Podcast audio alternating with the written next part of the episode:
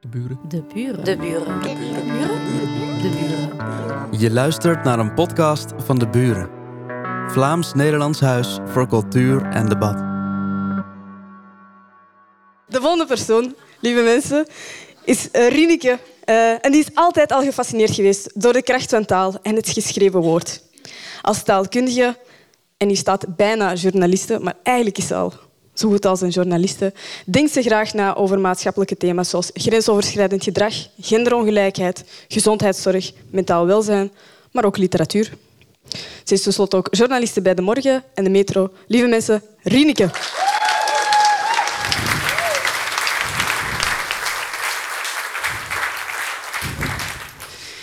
Twee dagen geleden wist ik nog niet 100% zeker waar ik het over zou hebben vanavond. Een oude, maar vertrouwde stem borrelde weer als vanouds in mijn hoofd op. Faalangst.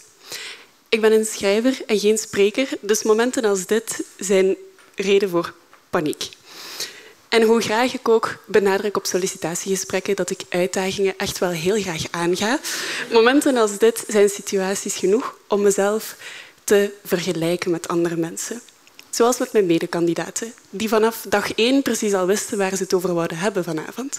Terwijl ik daar wekenlang over heb nagedacht. Er liggen mij zoveel dingen nauw aan het hart. Dus dit is een moment dat aanvoelt waarop ik mijn kennis moet etaleren aan jullie. Moet ik het hebben over de ongelijkheid in de gezondheidszorg? En hoe 70 tot 90 procent van de personen die onverklaarbare klachten hebben nog altijd vrouwen zijn? Of moet ik het hebben over gynaecologische aandoeningen die onzichtbaar leed veroorzaken, zowel bij vrouwen zelf als ook binnen de samenleving waar er daar geen ruimte voor is? Of moet ik het hebben over hoe diversiteit in de media nog altijd een vrij leeg begrip is, aangezien onder het merendeel van pakweg een lezersbrief nog altijd een mannelijke naam prijkt?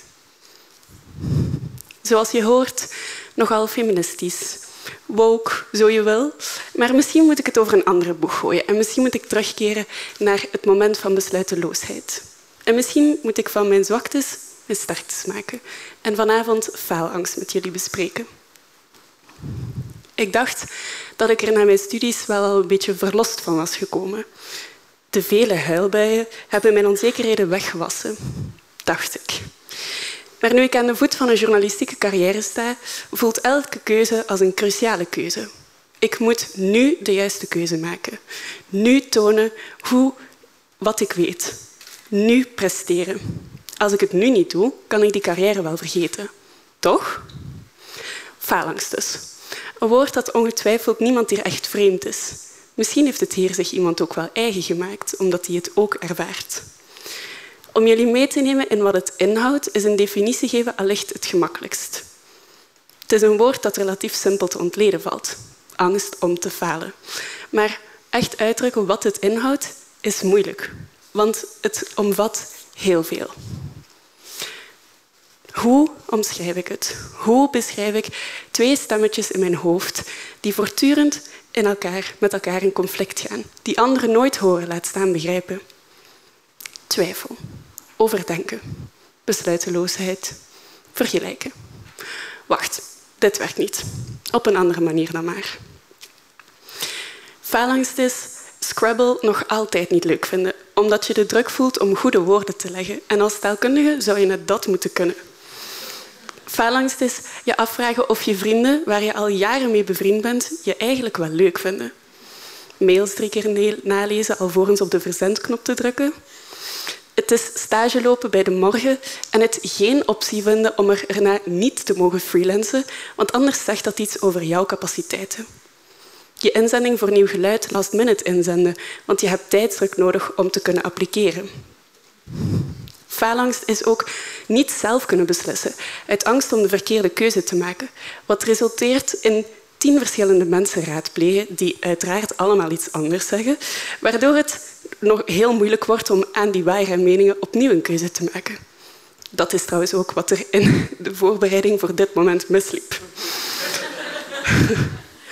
Faalangst is mails uitstellen om te solliciteren, omdat je bang bent dat het eens je van achter de schoolbank naar voren moet treden, plots zal blijken dat je eigenlijk helemaal niet zo capabel bent. Het is eens je geselecteerd bent, denken dat dat per ongeluk is gebeurd. Constant je eigen succes relativeren en toeschrijven aan andere personen dus. Dat laatste, waarbij je nieuw aangereikte kansen in je leven uit de weg gaat omdat je bang bent dat je door de mand zal vallen als een incompetent persoon, wordt ook het impostersyndroom genoemd. Het is niet volledig hetzelfde als faalangst, want faalangst gaat meer om specifieke taken, Scrabble, weet je nog, terwijl het impostersyndroom dat overstijgt. Het zijn gevoelens over je professioneel functioneren en dan vooral het gebrek daaraan, die steeds terugkeren. Hm. Dat verklaart misschien waarom ik, nu ik toch een job heb als taalkundige en freelance journalist ben, en dus blijkbaar wel goed ben in wat ik doe, de stemmetjes in mijn hoofd laag, maar zoemend blijven fezeren. Een beetje als een brommende koelkast op vakantie. Phalanx en het impostersyndroom lijken dus hand in hand te gaan. Een snelle Google search leert me ook dat het vooral hoogopgeleide vrouwen zijn die er last van hebben. Omdat we minder aangeleerd worden om onze angsten te trotseren. En omdat we nog altijd de minderheid vormen in bepaalde sectoren. Allicht omdat onze keuzes ook veel meer geëvalueerd en bekritiseerd worden en onze capaciteiten nog altijd lager worden ingeschat en vergoed dan die van een man. We moeten onszelf harder bewijzen en laat slagen daar net een essentieel onderdeel voor zijn.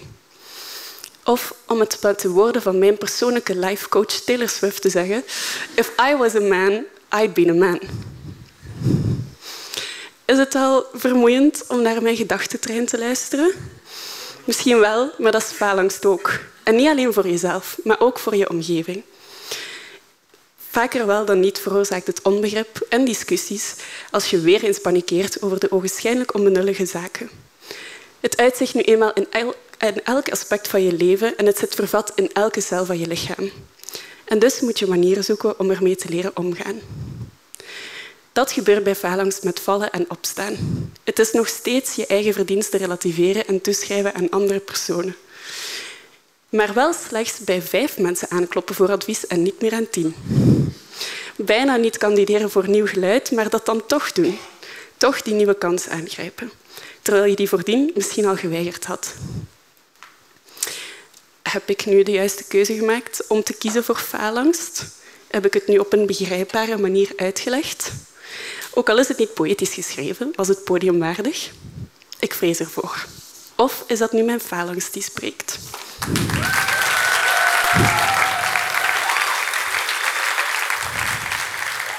De buren. De buren. De buren. Je luisterde naar een podcast van De Buren. Vlaams-Nederlands Huis voor Cultuur en Debat. Benieuwd naar meer? Luister ook naar onze andere verhalen en registraties. En ontdek ons podiumprogramma op deburen.eu.